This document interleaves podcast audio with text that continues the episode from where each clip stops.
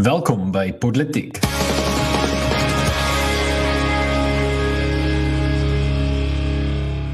Goeiedag, my naam is Frederik van Dyk en saam met my in die ateljee hier by Politiek is Arno Rood, ons nuwe gas, asook Paul Marits. En uh, vandag se episode dan nou die DA aan die mars en ehm um, ek het nou nie die res van die naam by my nie, maar net maar ons kan nou net aangaan. Die DA is aan die mars. Ons praat oor Afriforum se nuwe kragprojek en ons gesels ook oor Lovehof se besoek aan uh Suid-Afrika uit Rusland. Asai, uh dankie Fred. Uh ek ek wil tog vir die kykers sê Frederik het die rympie uitgedink soos baie van ons rympies. So ehm um, ons ons ons kan kan jou vergewe. Uh partykeer uh ja, ek dis dis baie interessant. So afval, ons gaan oor Lavrov praat. Uh Sergey Lavrov, die Russiese buitelandsminister die DA en dan Afrikrag. Nou, uh die storie waarmee ek wil begin is is hierdie internasionale maar dan ook plaaslike storie dat Rusland se buitelandse minister Sergey Lavrov uh 'n besoek aan aan Suid-Afrika gebring het en daar's hierdie ehm um, bekende nou bekende wêreldwyd bekende foto van hom wat met Naledi Pandor hande skud. Ehm um, dit is 'n baie simboliese foto. En uh, ons het dit ook by ons ons politiek foto vandag ingesluit. So, ehm um, kom ek gee net 'n bietjie agtergrond hier hoor. Suid-Afrika en Rusland gaan saam 'n militêre oefening hou. Die derde party by daai militêre oefening is 'n uh, ander landjie met die naam China en hierdie oefening gaan wees van die 17de tot die 27ste Februarie. Nou vir die van julle wat boffens met kalenders is, sal julle besef dat die herdenking van wanneer Rusland die eerste keer Oekraïne binnegeval het of soos hulle sê met hulle spesiale operasie begin het, is die 24ste Februarie. So Suid-Afrika se uh, hele kommentaar nee, hoorie, so ons is heeltemal neutraal in hierdie storie. Ehm um, beteken dat ons op die herdenking van hierdie inval saam met een van die twee partye um uh dan nou betrokke gaan wees in 'n militêre oefening. Ek is deeglik bewus daarvan dat daar onder politieke luisteraars twee kante of drie kante van hierdie hele konflik is. Daar's hulle wat sê luister hierso, die hegemonie van die weste behoort geoponeer te word. Uh, die ANC voel dit ook. So hulle sê luister hier die jy weet navoekragte raak te groot en dit is reg dat Rusland opstaan teen die liberaal kapitalistiese stelsel. Aan die ander kant is daar mense wat sê luister hierso hierse land se soewereine nasionale grense waaroor die internasionale gemeenskap saamgestem het wat oortree is, uh en dit is maak nie saak wat jou rede is nie dis gevaarlik en dis nie reg nie. Ek is geneig om my so klein bietjie na daai kant toe te sit. En dan is daar hulle wat sê hoorie so ehm um, ons het glad nie 'n mening hieroor nie. Ons gaan nie regtig om nie ehm um, en ons of ons wil nie regtig kommentaar lewer nie irrelevant. Nou goed. Ek dink die lank en die kort is daar's ontsettend baie internasionale uh oorsake of uh, wat of gevolge uit uit hierdie optrede van die ANC Um, mens moet bietjie na die geskiedenis kyk en as jy na die geskiedenis gekyk het dan moet jy so bietjie kyk na die kontemporêre en die toekoms. Die geskiedenis is dat Rusland spesifiek wel die Sowjetunie, maar die die Rusland was eintlik mos nou maar beheer van die Sowjetunie, het on, ontsettend baie ondersteuning gegee vir die ANC tydens die uh apartheidsjare. Spesifiek kom ons sê miskien van die vroeg 70s af tot die vroeg 90s. Um ons weet dat 1988 het Joe Slovo gesê dat Suid-Afrika nou daar waar die Sowjetunie gefouteer het, dinge kan regmaak met hierdie nuwe Suid-Afrika projek. So daar was vir hulle ontsettend baie inspirasie geweest Ehm um, in Suid-Afrika het regtig uh deur die ANC hierdie koneksie met Rusland nog al die jare. Uh so dis 'n emosionele ding en vir 'n uh, ou strydros soos Naledi Pandor is dit 'n belangrike ding om in ag te neem. Vir haar is die die ondersteuners van die ANC tydens die struggle is nou nog hulle vriende. En dis hoekom ons gedurig van die ANC se kant af ondersteuning sien aan lande soos Kuba, aan lande soos Rusland wat van menseregte en vir die wat nie noodwendig ondersteuners van die woord menseregte is nie, vir lande wat Christelike waardes en die manier hoe ons ons vriende ondersteun en en naaste liefde betoon, lande wat net daarvan absoluut geen uh, toonbeeld is nie. So, Dit gesê, daar gaan 'n militêre oefening wees by Ooskus van Suid-Afrika. Suid-Afrika wat weier om in die Verenigde Nasies te stem vir of teen enigiets rakende hierdie konflik, want hulle sê hulle hou hulle self neutraal. En daar was gister uitspraak gewees in die Withuis van die Amerikaners se kant waar hulle sê uh, enigiemand wat saam met Rusland oefeninge hou is vir hulle kommerwekkend. Ek moet dan ook sê die ehm um, die Secretary of the Treasury wat ons minister minister van finansies van Amerika mevrou Yellen is op pad Suid-Afrika toe binnekort ook. So dis nie asof ons bande met Amerika gesny is nie en Lavrov se besoek is daarom ook aan heelwat ander Afrika lande insluitend Botswana en Zambië. So dis 'n breë konteks. Uh, ek is nie op die punt om te sê Suid-Afrika is nou baie openlik in in die bed met die Russe of so aan nie. Maar dit is vir my duidelik dat daar van die ANC se kant af nie 'n ernstige verwerping hiervan is nie. Dan kom ek so vinnig by kommentaar. My persoonlike weer eens my persoonlike mening grond en dit het ek al gelees en dit het ek al gesien het en ek weet baie politieke luisteraars gaan nie my saamstem nie. Maar ek bly staan waar ek 'n jaar terug was op hierdie kwessie en dit is Um ek dink vir ons as Afrikaners wat toenemend begin praat van goed soos um plekke waar ons dalk 'n bietjie meer regte het, federalisme, um en en minderheidsregte, autonome minderheidsregte daarby miskien in die toekoms. Vir ons is ietsie soos 'n grens ontsettend belangrik.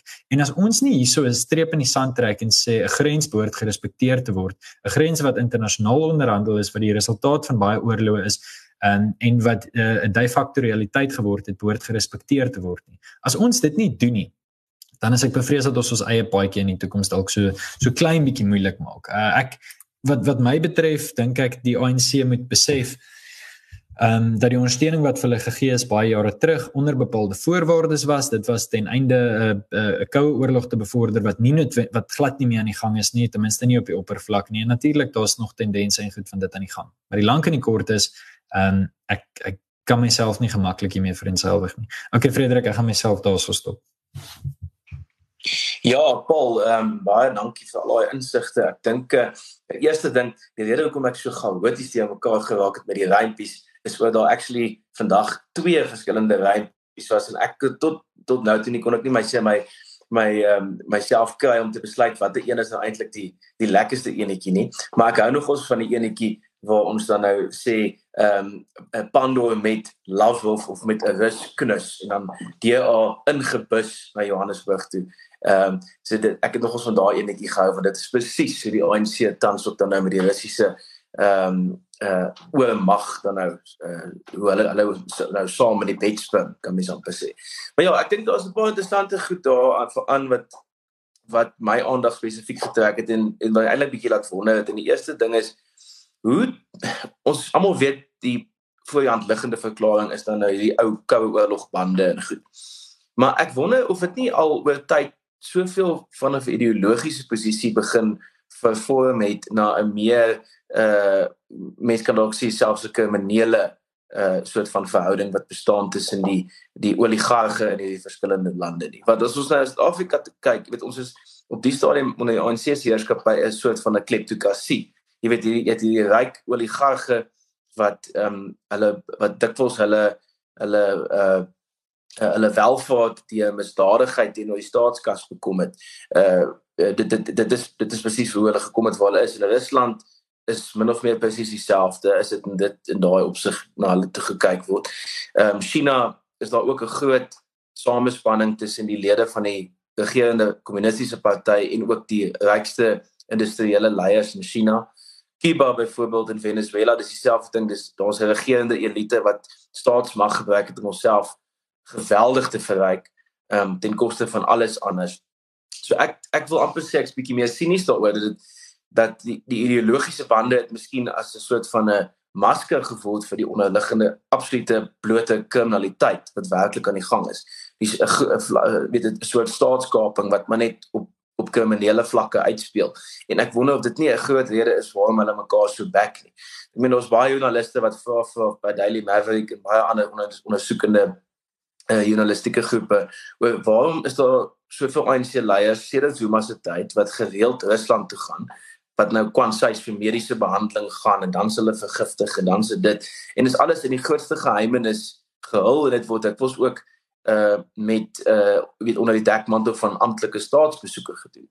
Ehm um, so jy weet daar's weet as jy nou ook kyk na die geskiedenis met Kiba waar die onlangse geskiedenis met Kiba waar ek weet Afriforum op 'n stadium ingespring het om die bemaking van 'n groot hoeveelheid sogenaamde hulpverlenings aan Kiba ehm um, stop te sit. Jy weet uh, wat is daar geld wat sy betrokke? Wat is aan die gang? Ehm um, wat is soort verhoudinge speel hulle self uit hierso? En so dis die een dis die een deel. Dis ek is weet ek sou meer geneig wees om daai interpretasie aan hierdie aan hierdie gedrag van die ANC teenoor ons buitelandse beleid ehm um, toe te dig. Maar die ander gedeelte is vir my ook te doen met uh die die die feit dat die ANC miskien 'n double game probeer speel en ek, ek miskien is daar die intellektueles onder hulle waaronder Pandora miskien moontlik kan tel wat 'n soort van 'n uh uh wat nou sien hier is 'n soort van 'n scramble vir Afrika aan die gang tussen oosterse lande en Rusland en Amerika en NATO en en en die Europese Unie en dis asof na die oorlog in Oekraïne asof al die lande skielik geweldig hard probeer om invloed uit te oefen in Afrika. En Suid-Afrika is nie die enigste land waar daai daai uh daai invloed met soos van verkoop word nie. Ehm um, Rusland spesifiek is desperaat want hulle is in groot gedeeltes van die kapitaalmarkte in die wêreld is hulle onder is hulle heeltemal gesanksioneer. So ehm um, hulle kan nie weet hulle kan nie regtig handel dryf nie. Hulle soek nuwe handelsvennote. So daar's natuurlik daai uh verklaring ook. Ek en ek dink baie van die verklaringe wat jy ook vertel het wat ek vertel het wat baie kommentators het. Ek dink baie van my goed aan my eintlik so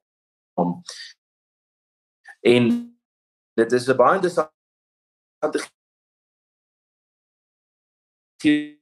politieke plek waar Afrika self gaan bevind. Ook suidelike Afrika en spesifiek dan ook Suid-Afrikaners Afrika. Ons ehm um, soos mens nou kan afwentel. Maar ja, ja, uh aan ons graag wat jy hy sê. Ja, uh, ek dink Fred ek ek dink jy's definitief op die regte lyn daarmee wat jy sê. Ek dink half hierdie nuwe kolonialisme wat ons nou in die gesig staar, die nuwe scramble vir Afrika. Um en en of die oorvleeling met die kleptokrasie wat ons in Suid-Afrika kry, uh spreek dink ek regtig toe na na hierdie noue bande wat ons op die oomblik sien tussen die Suid-Afrikaanse regering en en hierdie Russiese karakters.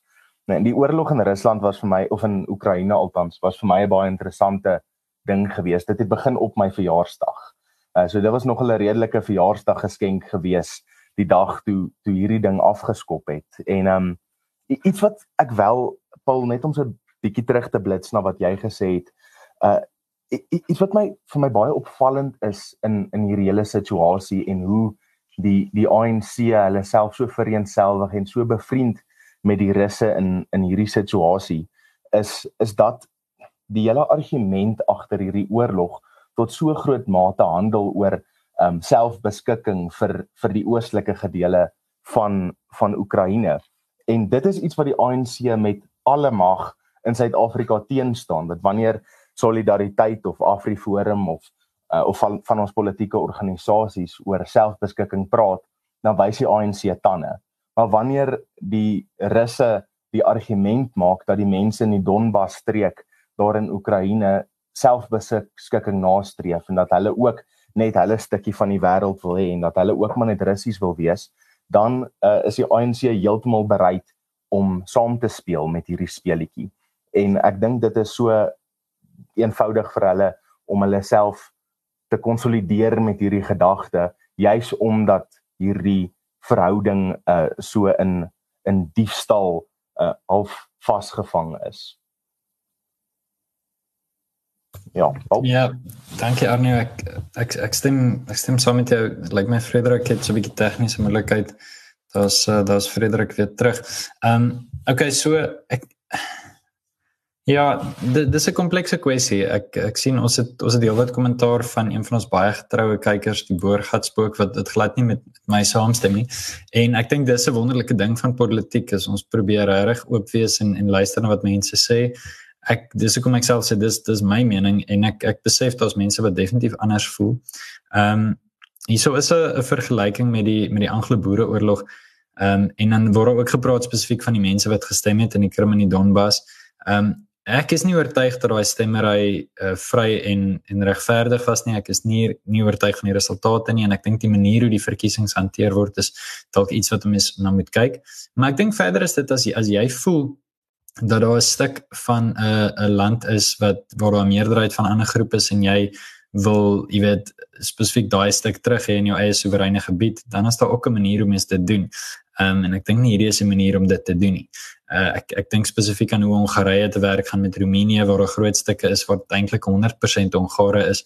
Ehm um, daar's ook 'n klomp Hongare in Oekraïne, maar dis nie hoe hulle dit hanteer dit nie. So ek dink ehm um, mense moet so 'n bietjie na albei kante toe bewus wees dat daar propaganda is. Ek het geen twyfel dat daar westerse propaganda is en dat NAVO besig is om sy kragte te oorspeel nie, verseker. En dit het ek van die begin af gesê maar dit beteken nie dat jy die reg het om iemand anders se soewereine gebied in te val gebaseer op 'n uh, en dan moet ek dit so noem ge, gebaseer op 'n onwettige stemmery nie.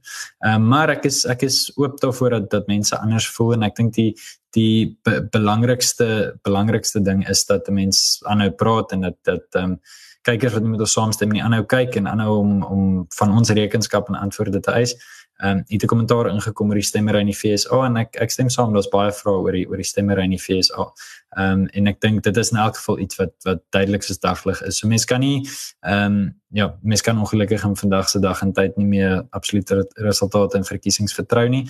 En uh, ek dink die uiteinde is my my persoonlike mening is dat Suid-Afrika so bietjie skyn heilig is om homself neutraal te noem in die storie. Nou ja. Uh goed, ek dink ons beweeg aan na 'n volgende storie toe, miskien iemand ons 'n bietjie meer oor uh saamstem of wel ten minste wat so bietjie nader aan die huis is, ten minste die hele storie is nader aan die huis. En Frederik, dit is dat die DA weer aan die mars is. Ek dink altyd aan Trevor Noah wat gesê het, jy weet, hell no, we won't go en as ek dink aan 'n DA mars daar in uh in Kaappunt daar langs die water op die perron dan dink ek altyd aan dit, maar dit is nie altyd so nie met respek aan ons vriende wat vir die DA werk. So ehm um, Frederik, wat gaan daar aan?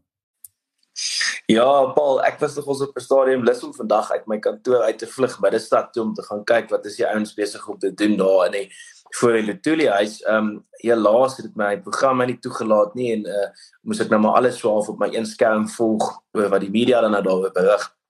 Ehm um, die interessante deel was dat die beste dekking wat wel gedoen is, ehm um, ten minste die mees die lopende dekking wat jy ek jy werklik kon sien wat aangaan en uh wie se sprekers en so aan was die DA se eie media soort van filiaal of ding wat so hulle eie fotograwe het maar ook afgeneem soos hulle wou afneem. Ehm um, ja, ek spot nou maar ek bedoel ek ek ondersteun heeltemal die die die die die opmars in die sin van dat dit Suid-Afrikaners is wat ehm um, politieke partye of the not saamtrek en besluit maar jy weet nou is dit klaar die probleem heel korrek gediagnoseer is nie Eskom noodwendig self nie hoewel dit natuurlik ook 'n probleem is. En dis ook nie noodwendig ehm um, die die die sekere bestuurslede van Eskom of uh of so nie. Die die die kern die wortel van die probleem die dit wat alles voortgespruit het is die ANC in Letoile huis waar die planne rondom kaderontplooiing ensovoorts dan nou ook uitgedink is en vir volmaak is en waarvoor die waaroor die DA toevallig dieselfde week maandag dinsdag uh in die in die Hooggeregshof voor was hier in Johannesburg. Uh of het, ek dink is ook Pretoria maar nietemin ehm um, waar hulle dan nou die beleid van kaderontplooiing soos hy homself manifesteer in die regering en die ANC se doen en late ehm um, uh, word dit dan uitgedaag word as onkonstitusioneel. So dit is ek dink 'n dubbele slag wat die wat die DA spesifiek die week het. Ehm um, dis nou 'n goue geleentheid vir hulle om te bewys dat as hulle 'n koalisie vernoot is dan ehm um, is hulle die ouens wat Suid-Afrikaners om gedeelde kwessies kan saamsnoer. So hulle hoop weet hulle op die stem is dit absoluut in hulle hande om die beste te maak van 'n krisis. En ehm um, ja, wat die oppas vandag betref, ek het nou maar regtig net gevolg wat ek op op op verskillende media huise kon sien. Dit lyk of dit 'n baie suksesvolle optog was. Ehm um, daar was uh wel mense seker dankbaar dat daar nie geweld was nie want daar was ook natuurlik 'n klomp ANC belhamels wat voor die Tuli huis mekaar getrek het om seker te maak dat uh jy weet of hulle was gewapen met sambokke en stokke en allerlei handwapens en goed. Ja, ek dink nie noodwendig pistole nie, maar mense kan dit ook seker nie buite rekening laat nie.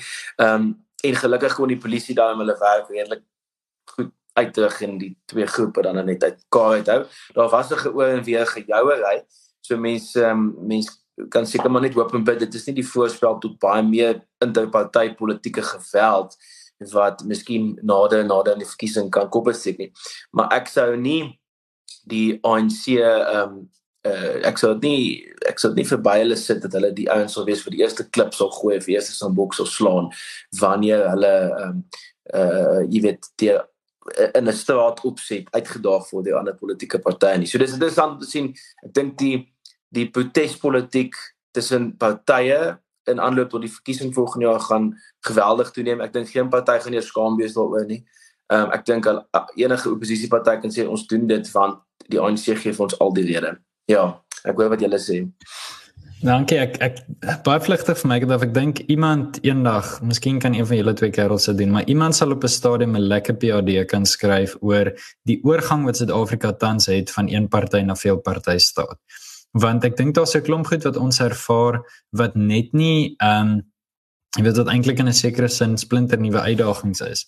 Uh wat bedoel ek met nuwe uitdagings? Natuurlik het dit al baie keer gebeur dat daar van een party na meer partye oorgang gemaak word, maar wat ons hier sien is baie spesifiek die ANC wat uh in 'n periode van 30 jaar gegaan het van regtig die wêreld se sweetheart as ek Engels woord kan gebruik na 'n posisie toe waar waar 'n klomp lande met lande in lahore sit en ek dink selfs um jy weet ek dink reg oor die wêreld van van China alipad deur um tot in die FSA is daar is daar Suid-Afrika was nie heeltemal wat ek dink hulle gehoop het nie en daar's heelwat redes vir dit maar ek dink die ANC is bo aan die lys van meeste van daai redes. Ehm um, wat wat ek dink ons idee al voor dankbaar kan wees en sal wees oor jare. Ek sien nie noodwendig die DA as ooit 'n party wat 60% van die steun op hulle gaan kry nie. Ehm um, ten minste nie met hulle huidige profiel en beleid nie, maar wat hulle doen is hulle vra die regte vrae en daarvoor kan 'n mens vir hulle dankbaar wees.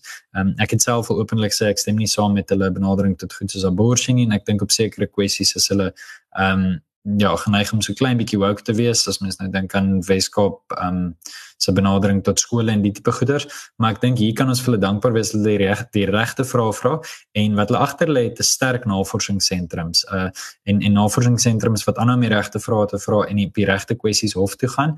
Ehm um, en toenemende samewerking op op kwessies wat 'n mens deel tussen ehm um, die solidariteit beweging die Afrikaner ten brede en die DA dink ek is positief. Uh Arne, wil jy op hierdie storie inlas of uh gaan ons aan? Ja, ek dink as ek dalk net so iets kan inlas hier op uh iets wat vir my baie opvallend was met hierdie situasie was juist die ANC se reaksie op dit. Ek dink die DA, soos jy reg gesê het, Paul, het 'n redelike goeie werk gedoen in die manier waarop hulle hierdie aangespreek het. Ek dink hulle het uh die die feit dat hulle 'n uh, optog of 'n staptog gedoen het was was 'n goeie uh, terugverwysing na hoe dinge in die ou dae gedoen was en hulle het dit op 'n goeie manier gedoen. Maar die ANC se reaksie dat hulle daar 'n uh, uh, frik hoe hoe jy dit nou presies gestel het ont, ont of ekskuus hoe jy dit nou presies gestel het ontglip my nou maar ehm um, die die karakters van uh die ANC wat daar met hulle sambokke opgedaag het sê vir my so iets oor die karakter van die ANC dat wanneer hulle optog hoor is hulle verwagting dat daar gaan skade wees daarso gaan uh, bietjie geweld gepaard gaan met dit en en die feit dat die DA dit kon gedoen het op 'n manier wat vreedsaam was en en wat regtig ook ondersteuning van ander oppositiepartye gedra het is my baie positief um vir hulle as half 'n uh, balanseer gewig in die Suid-Afrikaanse politiek op die oomblik. Ja, nee, ek dink uh, so, ons ons kan dit gaan interessant wees om te sien wat vorentoe gebeur en op die eind ek dink die wat mense wel kan sê is ons moet nou wel nie al ons hoop op punte sit nie. Ehm um, dit is nou die politieke punte van die dag nie. En ek dink daar is nog steeds 'n groot argument te maak dat Suid-Afrikaners moet leer om self in hulle gemeenskapsopset dinge vir hulself ten op, op ten minste op 'n basislyn uh uit te sorteer en en die en en en uh, leefbaar te maak en dan die politieke partye moet maar daarna kom en kyk en aanbied wat hulle vir ons kan doen. Ja, en en en wat selfdoen betref, gaan ons sommer dadelik oor na Afriforum se nuwe ambisieuse projek genaamd Afrikag, wat dan nou ook Afriforum se antwoord is op die voortsleepende beeldkrag wat Suid-Afrika ervaar en wat geweldig ontwrigtend is vir gemeenskappe reg oor die land, spesifiek vir die uh die die landbougemeenskap, klein saakondernemings vir nie noodwendig die voortsleepende um, kragonderbrekings kan hanteer nie en natuurlik ook vir huishoudings. Uh inflasie is besig om op te gaan weens die die die probleme wat daar is om uh voedselvoorsieningskettinge in stand te hou. Uh koue ketting word ek pos gebreek en baie kos moet byvoorbeeld weggegooi word voordat enigstens nog naby 'n winkel kom. So jy weet ons is regtig in 'n krisis van 'n omvang wat Suid-Afrika waarskynlik nog nooit in sy sy makro-ekonomiese uh, geskiedenis ervaar het nie. Um mense dink mense dink met uh, en, en dit is nogals interessant hoe dit werk en um, ouens is nou skielik besig om geskiedkundige herinneringe wat baie lank onderdruk is omdat dit beskou word as koloniaal en en en uit die uit die uit die oude doos en dit is nou geskiedenis soos byvoorbeeld die van ehm um, uh, uh, die van die geskiedenis van van 'n byl ehm um, ek dink dis hy was 'n professor van 'n byl waarna van 'n byl park dan ook vernoem is wat Suid-Afrika se eerste groot industriële ehm um, noem dit nou maar beplanner en magnaat was. Hy hy het uh, hy was die een wat agter die oprigting van Eskom ook was. Ehm um, in die vroeë 1920s 30s. Ehm uh, so ja, dit is dit ons is in 'n groot krisis en Afriforum se oplossing is dan nou ook om uit te reik na die private sektor en na gemeenskapsoplossings en spesifiek na tegnologie wat bekend staan as korrelbed kernreaktor tegnologie. As ek nou dit korrek uh uitspreek. En die hoewel ek nie heeltemal die meganisme hierso sal kan verduidelik, ek het redelik gaan oplees daaroor. Ek het ehm um, oor die spesifieke manier hoe die kerntegnologie werk, maar I mean dit is dis nog 'n ingewikkelde storie. Die die kort en die lank is dit is nie dieselfde meganisme as wat by Chernobyl of by 'n uh, uh Three Mile Island in Amerika gesien het wat tot chaos gelei het. En dis ook heeltemal 'n ander stel tegnologie as wat Kuiberg byvoorbeeld is. Ehm um, dis 'n hele revolusionêre nuwe manier om kernkragfisie tegnologie ehm um, te te installeer en van stapel te stuur en dit beloof om wel ten minste in teorie om op 'n baie klein skaal 'n groot hoeveelheid krag te kan opwek sonder dat jy enorme groot uh, kapitaal uitleg moet aangaan of of uh, jy weet die soort noem dit nou maar verouderde kernreaktors moet bou waar waarvan Kuiberg byvoorbeeld 'n voorbeeld is. Ehm um, so dit is baie ambisieus as ek weet jy eh, Paul jy sal waarskynlik meer weet van die van die doen en late en hoe dit van stapel gestuur moet word en hoe die projek verder gaan gaan uitbou. Een ding wat ek wel vir my interessant is van die hele projek is die betrekking van 'n uh, media well, energiemagnaat met die naam Andre Pinault. En dit is interessant want hy is ook die ou wat uh, 'n reddingsboei onlangs uitgegooi het na Vrye Weekblad toe. Ehm um, so dis duidelik dat hierdie verloopte Suid-Afrikaner besig is om terug te daan na sy moederland toe te sê maar jy weet die, die ouens het duidelik hulp nodig en hy sal baie graag bydra op sy op sy manier ehm um, en uit sy diep sakke uit. So dis interessant om te sien waar hy dit op pad is en dit is ook op 'n ander noot baie positief om te sien dat daar Suid-Afrikaners in die buiteland is ehm um, ook Afrikaanse mense wat wat baie wel af is en baie suksesvol was in hulle industrie wat nou van waar ook al hulle is terug belê in Suid-Afrika om te kyk of hulle kan help en handbys dit as daar vir alles nog eh uh, gemeenskapsgroepe is wat eh uh, daardie hulp die van die hand wys. Ja, uh, Fred Dalkman het ehm um, jy het so vroeër bietjie gesukkel met met die rympie. Uh so ek het ek het sommer nog 'n rympie bygeskryf wat ek dink ek sommer net tot die gesprek kan kan bylas en ek het sommer daar gesê dat steenkool se tyd is verby. Afri energie gaan die gaan die ligte aankry. Ehm um, so volgende keer kan ons kan ons daai netjie ook sommer net daar bylas. Maar ehm um, ja, Afriforum se nuwe planne het almal ordentlik aan die gons gehad hierso oor die laaste tyd en ek dink of die die groot onsekerheid is wat soek 'n burgerregte organisasie nou eintlik by kragopwekking en en wat is hulle um credentials wat hulle het om om by te dra tot hierdie Skus ek dink daarso het my klank vir so 'n oomblik verdwyn. Uh ek ek dink daarso het 'n klomp mense nogal baie vinnig opgewonde geraak oor hierdie hele proses. Ons ons kyk terug na aksies wat Afriforum of die Solidariteit beweging geloods het soos uh, Soltech en Akademia wat baie vinnig na groot suksesverhale in verander het en en baie mense het ook gedink sodra Afriforum in hierdie geveg inklim net so gaan ons probleme opgelos wees en die media veral het 'n groot bohaai opgeskop hieroor. So ek ek dink dit is wel belangrik vir ons om net 'n treukie terug te neem in hierdie hele gesprek en en nie net dadelik in die korrelbed reaktor in te spring nie want daarso is eintlik 'n baie lang proses wat voorlê tot ons uiteindelik daar kom. En en Fred soos dit reg uitgewys het daar is nog um groot gesprekke wat met die industrialiste gehou moet word wat met beleggers gehou moet word. Uh maar voor dan is daar eintlik 'n uh, paar korttermyn goed wat wat lekker is en wat ons eintlik voor kan uitsien dat dat dit gaan begin gebeur. En die eerste een het Afriforum reeds al nog 'n bietjie lig opgeskyn en dit is hulle proses om hulpbronne aan kragverbruikers te voorsien oor hoe hulle uh, die sonkrag uh, instellings by hulle huis kan opsit, wat goeie voorsieners en verskaffers daarvan is, wat effektiewe maniere daarvan is. En ek dink dis regtig hulpbronne wat wat vir mense wat so 'n bietjie selfbeskikking wil hê, wat so 'n bietjie uh van daardie energie uit Eskom se hande in hulle eie hande wil sit, definitief van moet nut maak. Hierdie eerste fase wat Afriforum ook dan nou aanvat het aanvat, het 'n tweede been en dis iets wat my opgewonde maak want dis dis iets waarmee ek ook self betrokke is is dan die die regsgeding omtrent dit. En daarso is is twee interessante goed wat vir my daaraan gaan. En die eerste enetjie gaan die losmaak van regulasies wees vir privaat verbruikers en vir privaat uh, verskaffers dan nou van energie. Op die oomblik sit ons nogal in 'n in 'n situasie waar daar baie onsekerheid is oor hoeveel energie jy eintlik mag produseer. Sal jy vergoed word as jy daardie energie terug in die in die grid insit?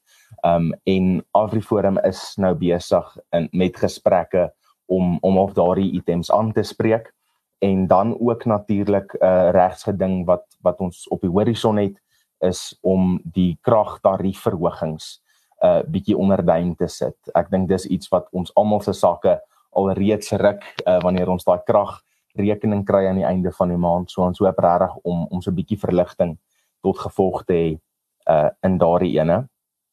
Dan uh, is is die die tweede tree wat opkom is iets wat my besonder opgewonde maak ook is wanneer gemeenskappe dan nou eintlik begin beheer vat oor die energie in hulle eie omgewing en ons sien dit reeds in uh Mafube munisipaliteit uh Frankfurt en en die dorpies daar rondom waar privaat maatskappye al al bietjie deel is van die gesprek en en eintlik as geheel beheer het oor die kragvoorsiening in daardie areas. Dit is graag iets wat ons um uit 'n beleidsperspektief en uit 'n praktiese organisering voetsoolvlak perspektief sal wil reg hê um, wanneer wanneer ons dan nou dit kan begin uitbrei.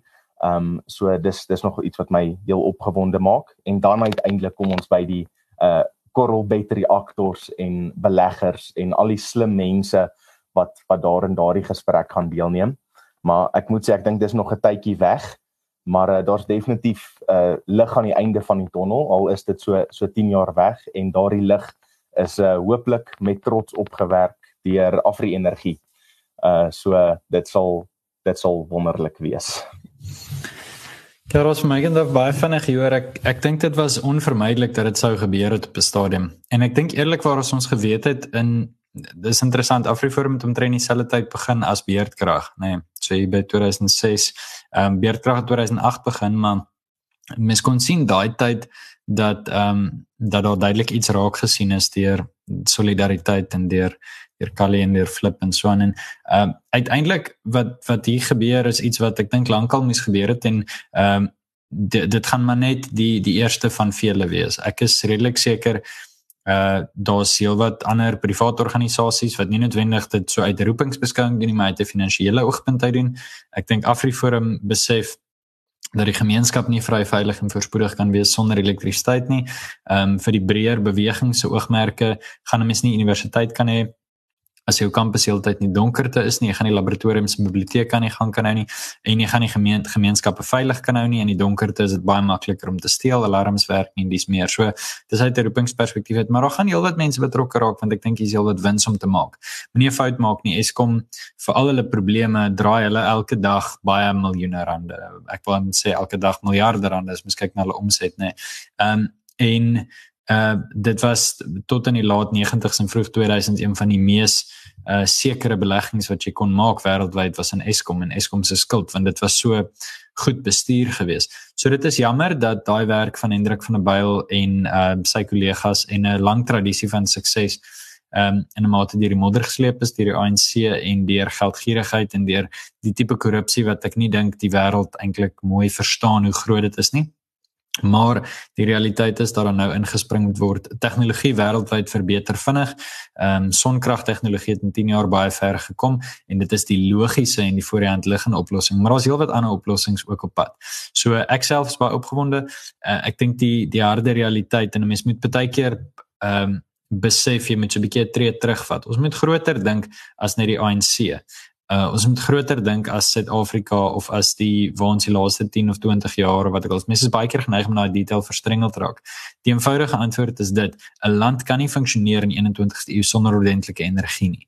En dit is so hartseer dat die goeie posisie waar Suid-Afrika was om industrieel eintlik 'n wêreldspeler te wees dat ons dit maar net deur ons vingers laat glip het en ek dink hier's 'n kans om my laaste paar korreltjies sand voor dit deur ons vingers glip goed vas te hou. Ehm um, en uh, ek ek dink dit is miskien miskien ietsie waaroor 'n mens waaroor mens dan nou positief mag wees en kan wees. Nou ja, uh Carlos ek dink op op daai noot gaan ek so 'n bietjie uh gaan ons einde se kant toe staan soos uh duikslaap bo die enkels in Engeland is hierdie episode ook vir eers verby. As jy wat ons doen kan jy gerus inteken op politiek. Ons nooi jou uit as luisteraar om self te ons in stry met ons, verskil van ons lewer kommentaare, sê vir ons wat jy dink en wat jy voel. Ons sit graag die gesprek met jou voort op sosiale media. Ehm um, jy kan ook met ons direk in kontak tree. Ons doen dit nogals deur Telegram, maar watter ook al platform jy verkies. En dan uh sien ons mekaar volgende week vir die op dieselfde tyd en uh op dieselfde plek vir nog so klein bietjie uh politiek.